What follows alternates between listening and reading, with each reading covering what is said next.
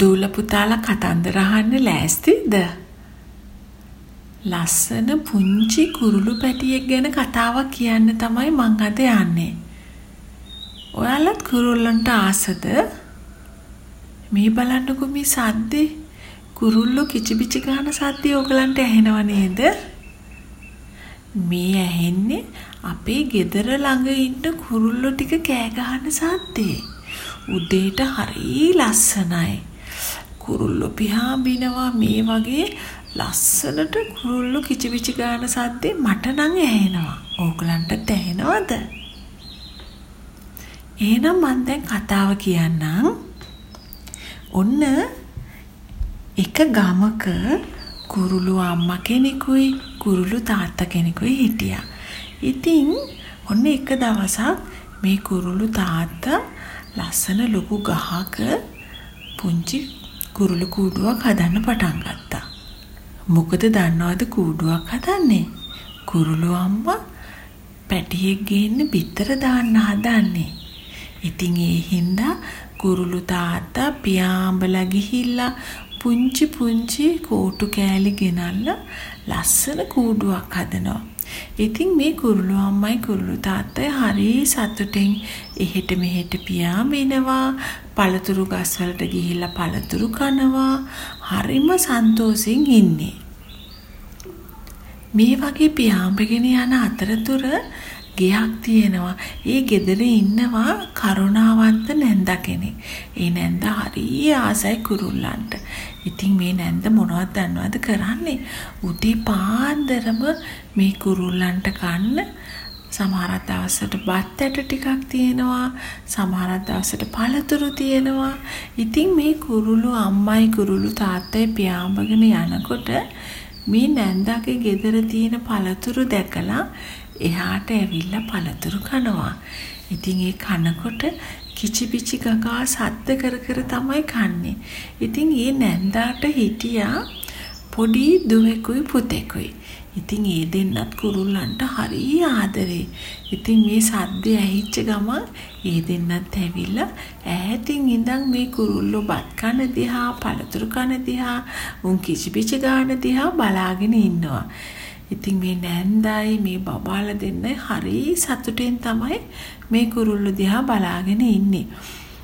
ඒ වගේ කුරුල්ලෝ කෑ ගහන සද්දේ කුරුල්ලෝ දිහා බලාගෙන ඉන්නකොට හරි සතුටින් තමයි දවස පටන් ගන්නෙ. එහෙම සතුටින් දවස පටන් ගත්තම මුළු දවසම සතුටින් තමයි ගෙවිලා යන්නේ. ඉතින් දැන් මේ කුරුළු අම්මයි කුරුළු තාත්තයි මෙහෙම ඉන්නකොට එක දවසක් මේ කුරුළු අම්මා පුංචි බිත්තරයක් දැම්මා.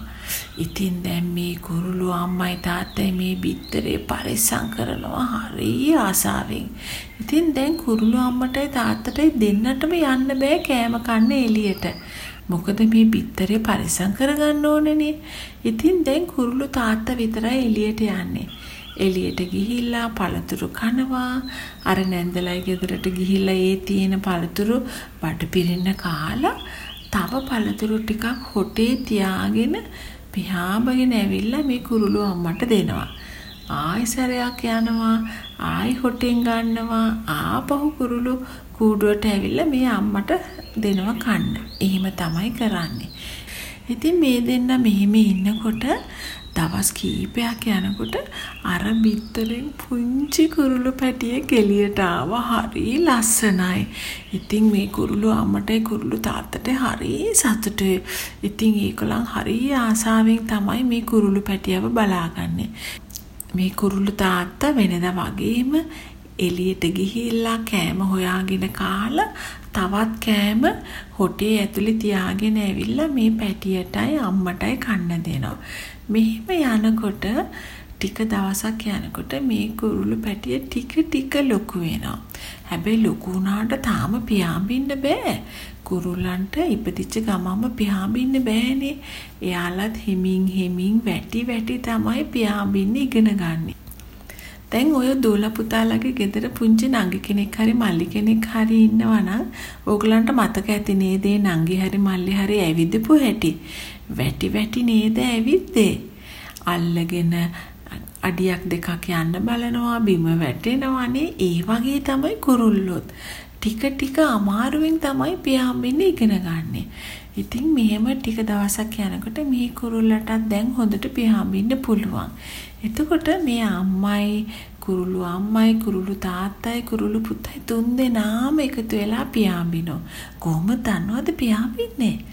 ඔන්න කුරුළු තාත්තා ඉස්සරහින් පියාඹිනෝ. ඊට පස්සේ යන්නේ කුරුළු පුතා. ඊට පස්සේ තමයි අම්මා පිටිපස්සෙන් ඉන්නේ කුරුළු පුතාව බලා ගන්න ආරක්ෂා කරගෙන පිටිපස්සෙන් තමයි කුරුළු අම්මා පියාඹින්නේ.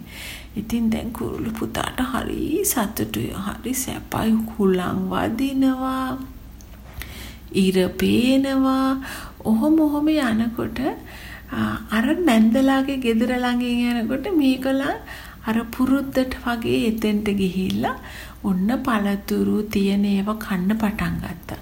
එතකොට දැක්කා අර නැන්ද කුරුළු පැටිය දැකලා අනේ තව ලස්සන කුරුළු පැටියෙක් ඉන්නවයි කියලා කියපු ගම ඒ නැන්දගේ දුවයි පුතයි දුවගෙන ඇවිල්ලා අයියෙන් සතුටෙන් කෑ ගැව්වා. ඒ කෑ ගහනකොට කුරුළු පැටිය බය වුණා. මොකද එයා කවදාවත් මිනිස්සු මේ වගේ හයියෙන් කෑ ගහනවා අහලා නැහනේ. ඉතින් ඒ සද්දෙට බය වුණා. එතකොට ඒ කුරුළු තාත්තා කිව්වා බය වෙන්න එපා පුතා. මේගොල්ලන් හරි හොඳයි. අපිට හරි ආදරේ හැමදාම අපිට මේගොල්ලන් කන්න දෙනවා කියලා. ඉතින් ඊට පස්සේ කුරුළු පුතා බය වුණේ මොකද අම්මයි තාත්තා ඉන්නවනේ අම්මයි තාත්තගේ මැද්දට වෙලා මේ තියෙන ඒවා කාලා ආයෙ පියාඹගෙන ගියා. ඉතින් දැන් මේ නැන්දටයි චූටි දුවයි පුතයි හරි සතුටෙන් ඉන්නේ කුරුල්ලු තුන්දෙනෙක්ම දැන් අපේ ගෙදරට එනවා කියලා ඒගොල්ලොනුත් හරිම සතුටෙන් ඉන්නේ. ඉතින් දැන් මෙහෙම යනකොට මේ කුරුල්ලු පැටිය ටික ටික ලොකු වෙනවා. දැන් ලොකු වෙලා ඉතින් අම්මයි තාත්තයි එක්ක හරි සතුටින් ඉන්නවා. මේ කුරුළු පැටිය අම්මට තාත්තට හරි ආදරේ. මේ කුරුළු පැටියට අම්මා නැතුව ඉන්නම බෑ. අම්මට හරි ආදරේ. ඉතින් දූල පුතාලා දැකලා තියෙනවද කුරුල්ලෝ විකුණන මාමලා ඉන්නවනේ කූඩුවල දාලා කුරුල්ලෝ විකුණනවා. ඒ වගේ මාමා කෙනෙක් දැන් කුරුල්ලෝ හොයාගෙන දැන් අර ගමේ ලොකු ගස් තියෙන වත්තකට යනවා. ඒ වත්තේ තමයි මේ පුංචි කුරුල්ලෝ පැටියගේ කූඩුවක් තියෙන්නේ. ඉතින් ඔහොම යනකොට යනකොට එකපාරට මෙයා දකිනවා මේ කුරුළු පැටියා ඉන්න කූඩුව. ආ මේ ගහේ නම් කුරුල්ලෝ ඉන්නවා වගේ කියලා එයා හිතුවා. එතකොට ඒ වෙලාවේ වෙනකොට මේ කූඩුවේ හිටියේ මේ පුංචි පැටියා විතරයි. මොකද එයාගේ තාත්තා කුරුළු තාත්තා ඔන්න කෑම ගේන්න පියාඹගෙන ගිහිල්ලා. කුරුළු අම්මත් කොහෙදෝ වැඩකට ගිහිල්ලා. හැබැයි අම්මා කියලා ගියා මේ කුරුළු පුතාට පුතා කොහෙවත් යන්න එපා. මම ගිහිල්ලා එනකන් පරිස්සමට කූඩුවට වෙලා ඉන්න ඕනි කියලා. ඉතින් මේ කුරුළු පුතා අම්මා කියපු විදියටම කූඩුවට වෙලා හිටියා. එතකොට මේ නපුරු මාමා ගහට නැගලා හිමින් සැරේ එයාට හොඳට පුරුදුයිනේ කුරුල්ලෝ අල්ලලා පැනපු ගමන් ටක් ගාලා මේ කුරුල්ලව අල්ලගත්තා. අනේ ඒ කුරුල්ලා හරි බයේ කෑ ගහන්න පටන් ගත්තා. අනේ අම්මා අම්මා කොහෙද කී කිය. ඉතින් අම්මට ඇහෙන්නේ අම්මා ටිකක් ඈතට පියාඹගෙන ගිහිල්ලානේ තියෙන්නේ. ඉතින් දැන් මොකද්ද කරන්නේ? දැන් කරන්න කිසිම දෙයක් නැහැ. මේ මාමා මේ කුරුල්ලව තද කරලා අල්ලගෙන ඉන්න නිසා යාට හරියට රිදෙනවා. ඉතින් අත් දෙකින්ම තද කරලා මෙයා පියාඹගෙන යයි කියලා තද කරගෙන ඉන්න නිසා කුරුල්ලට හරියට රිදෙනවා. ඒ රිදෙනවටත් වැඩිය එයාට හරි දුකයි, හරි බයයි. කොහේ යනවද දන්නෙත් නෑ. අම්මත් නෑ, තාත්තත් නෑ. අනේ ඉතින් හරි දුකෙන් මෙයා අඬ අඬ කෑ ගග හඬනවා. නමුත් අම්මට ඇහෙන්නෙත් නෑ, තාත්තට ඇහෙන්නෙත් නෑ. එතකොට මේ නපුරු මාමා මේ කුරුල්ලව අරන් ගිහිල්ලා එයාගේ ගෙදර කූඩුවක දාලා වැහුවා. දැන් මේ කුරුළු පැටිය කූඩුවේ හිර වෙලා ඉන්නේ. යාට කොහේවත් යන්න බෑ. ඉතින් කුරුල්ලෝ ආසද කූඩුවක වෙලා ඉන්න. නෑනේ කුරුල්ලන්ට පුරුදු හොඳට පියාඹලා. ඉතින් කූඩු මේ පුංචි කූඩුවක හිර වෙලා ඉන්න කවුරුත් කැමති නෑ. ඊට පස්සේ ටිකක් වෙලා යනකොට පළතුරු කෑල්ලක් කූඩුව ඇතුළට දැම්මා. මේ කුරුළු පැටියට ඒව කන්න හිතෙන්නේ මෙයා ඉස්සර නම් පළතුරු කන්න හරි ආසයි. දැන් එයා දුකින් බයෙන් ඉන්නකොට යාට කන්න හිතෙන්නේ එයාට දැන් අම්මාම මතක් වෙනවා. හරි දුකයි මේ කූඩුව. එයාට සැප නෑ. යාට අර ගහේ තාත්තා හදපු පුංචි කූඩුව හරි සැපයි මේ කුරුළු පුතාට. ඉතින් එයා හිතනවා අනේ දැන් කොහොමද මං අම්මයි තාත්තයි නැතුව ඉන්නේ කියලා. ඉතින් ඔහොම ටික වෙලාවක් යනකොට මේ කුරුළු අම්මා කූඩුවට ආවා. හරි සතුටින් ආව කෑම ගොඩක් අරගෙන. ඉතින් මේ කුරුළු අම්මා ඇවිල්ලා කූඩුවේ බලනකොට කුරුළු පුතා හිටියේ නෑ.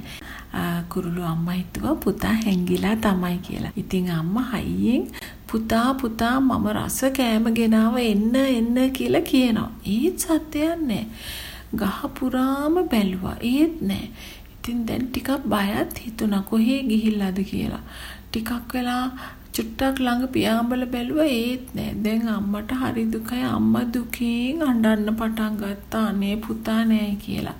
ඔහොම ටික වෙලාවක් යනකොට එයාගේ තාත්තා ආවා. තාත්තට ඈතට මෙහුණා අම්මා බය වෙලා කෑ ගහන සද්දේ.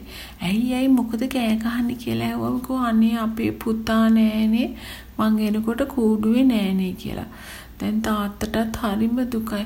තාත්තා කිව්වා පුතා කොයි හරි පියාඹල ගිහිල්ලා නම් දැන් කූඩුවට එන්නේ ඔයා කොහෙවත් යන්නේ නැතු කූඩුවේ ඉන්න මම ගිහිල්ලා ටිකක් ඈතට පියාඹල බලලා එන්නම් අපේ පුතා ඉන්නවද කියලා. තාත්තා කුරුළු තාත්තා පියාඹගෙන ගියා. අම්මා අඬ අඬා කුරුල්ලු කූඩුවට වෙලා හිටියා.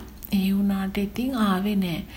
ඉතින් හවස් වෙනකොට තාත්තා ගොඩාක් මහන්සි වෙලා මේ කුරුළු පැටියව හොයලා කූඩුවට ආවා ඉතින් හරි දුකින් තමයි ඒ දෙන්නම හිටියේ. ඒගොල්ලන් රැට කෑවෙත් නැහැ.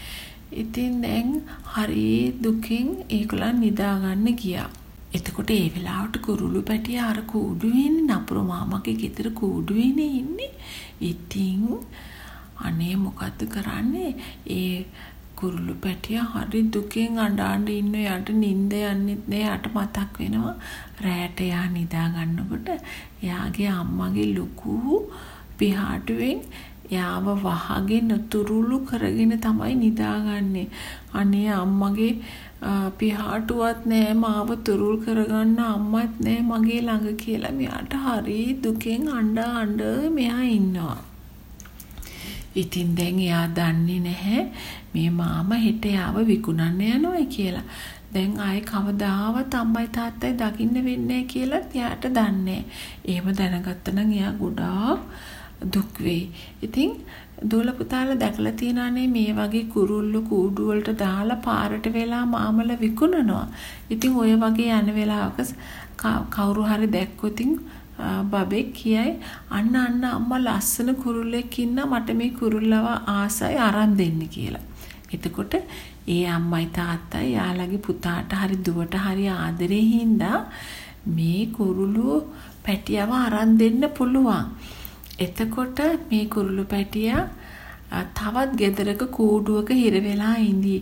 එතකොට ඕගොල්ලන් හිතනවද ඔයගොල්ලන් ආස නිසා කුරුළු පැටියා ඕගොල්ලන්ගේ ගෙදර ගෙනාවට එයා සතුටින් ඉන්නේ කියලා. නෑ එයා සතුටින් නෙමෙයි ඉන්නේ එයා දුකෙන් ඉන්නේ. අපි කොච්චර රස කෑම දුන්නත් එයා සතුටින් නෙමෙයි ඉන්නේ මොකද? එයාගේ අම්මයි තාත්තයි නෑනේ. එයාට අපි ලොකු ගණන් දීලා ලොකු හොඳ පිට රටින් ගෙනාපු කූඩුවක දැම්මත් එයාට වැඩක් එයාට සැප අර ගහ උඩ යාගේ තාත්තා පුංචි කෝටු කෑලි වලින් හදපු කූඩුව තමයි සැප. එයා ආස එයාගේ අම්මයි තාත්තයි ළඟ ඉන්න. ඉතින් මෙහෙම ඉන්න කැමති නෑ. ඒක හින්දා දැන් ඕගොල්ලන් කුරුල්ලන්ට ආස නම් ඔයාලට තාමත් හිතෙනවද මේ කතාව ඇහුවට පස්සේ කුරුල්ලෙක්ව ගෙදර ගේන්න කූඩුවක දාලා? නෑ නේද? දැන් ඕගොල්ලන් දන්නව නේද කුරුල්ල කූඩුවක දාලා ඇති කරන්න හොඳ නෑ කියලා. ඕ එහෙම හොඳ නෑ. එයාලා හරි දුකෙන් ඉන්නේ. ඒගොල්ලන් ආස පිහාම ඉන්න කුරුල්ල කූඩුවක දාලා ඉන්න සත්තු නෙවෙයි. ඒගොල්ලන් හරි නිදහසේ ඉන්න සත්තු. ඒගොල්ලන් ආස ආස පුරාම පියාඹගෙන යන්න ඊළඟට පළතුරු ගස් වලින් පළතුරු කන්න ඒ වගේ දේවල් කරන්න තමයි ආස. පුංචි පොඩි කූඩුවක හිර වෙලා ඉන්න කවුරුත් කැමති නැහැ. ඉතින් දූලා පුතාලා කුරුල්ලන්ට ආස නම් මොකද්ද කරන්න ඕනේ? අර වගේ අර අර නැන්ද කරනා වගේ උන්ට කන්න පළතුරු ටිකක් දාන්න පුළුවන්. උන් දිහා ඈත ඉඳන් බලන්න ඕන. උන් කැමති නෑ අපි අල්ලනවට අපි ළඟට එනවටත් උන් කැමති නෑ. ඇයි කැමති නෑ? උන් බයයි. උන් හිතන්නේ අපි අපි යාලට නරකක් කරයි කියලා. අර නපුරු මාමා වගේ ඒගොල්ලන්ව අල්ලගනි කියලා තමයි හිතන්නේ. ඒකෙහිඳ අපි ඒගොල්ලන්ට කෑම දාලා කුරුල්ලුන් ඉදිහා ඈතින් ඉඳන් බලලා සතුට වෙන්න ඕන. අපි කුරුල්ලන්ට ආසයි කියලා අපේ ළඟ තියාගත්තොත් ඒක හොඳ නෑ පව් සිද්ධ වෙනවා.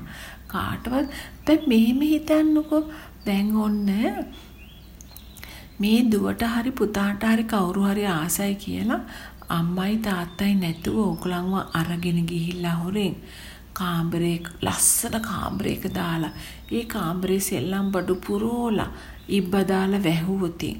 එතකොට ඔයාලා ආස කෑම. චොක්ලට්ද ටොෆීද පුඩින්ද එක එක જાතියේ කෑම ගෙනල්ලා දෙනවනම්. ඔයාලා ආසනේ කාමරේ හිර වෙලා ඉන්න.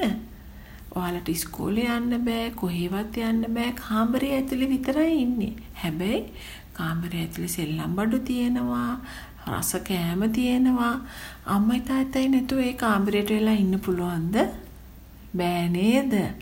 කවදාවත් කැමති වෙන්නේ කොච්චර සෙල්ලම් බඩු කොටත් දුන්නත් අම්මයි තාත්තයි නැතුව කාමරයකට වෙලා හිර වෙලා ඉන්න ආස නැහැනේ. ඉතින් මේ කතාව අහගෙන ඉන්න දූල පුතාලත් හොඳට මතක තියාගන්න. කවදාවත් කුරුල්ල කූඩු වලට දාන්න හොඳ නෑ. කුරුල්ලන්ට ආදරේ නම් අපි ඈත ඉඳලා කුරුල්ලුන්ගේ සද්දය අහන්න, උන්ගේ ඉගිලෙන හැටි බලලා සතුටු වෙන්න විතරයි අපිට පුළුවන්. ඒකින්ද අද දූල පුතාලා ඉගෙන ගත්තේ හොඳ පාඩමක්. මේ පාඩම ජීවිත කාලෙටම මතක තියාගන්න ඕනේ. ඉතින් කුරුල්ලෝ වෙනුවෙන් ඔයගලන්ට කරන්න පුළුවන්. ඔයගලන් ආදරේ නම් ඔයාලට කරන්න පුළුවන්. ඒ මාමා කෙනෙක්ගෙන් සල්ලි වලට කුරුල්ලෝ අරගෙන ඒ කූඩුවෙන් නිදහස් කරලා දාන්න. එතකොට උන් ආයෙත් උන්ගේ අම්මලා තාත්තලා හොයාගෙන යයි. ඉතින් එහෙම අම්මලා තාත්තලා නැතුව දුකෙන් ඉන්න කුරුළු පැටව අරන් ගිහිල්ලා අපි හදන එක හොඳ නෑනේ නේද? අපි වගේම ඒ පුංචි සතුත් ආස ඒකලගේ අම්මලා තාත්තලා එක්ක ඉන්න. මම ආයිසරයක් ඕගලන්ට අහන්න දෙන්නම්කෝ මේ කුරුල්ලෝ කෑ ගහන සද්දේ. මේ සද්දය අහගෙනම ඕගලන් හිතාගන්න. එහෙනම් මම ලස්සන කතාවක් අරන් ආපහු එන්නම්. මම අනොම නැන්දා.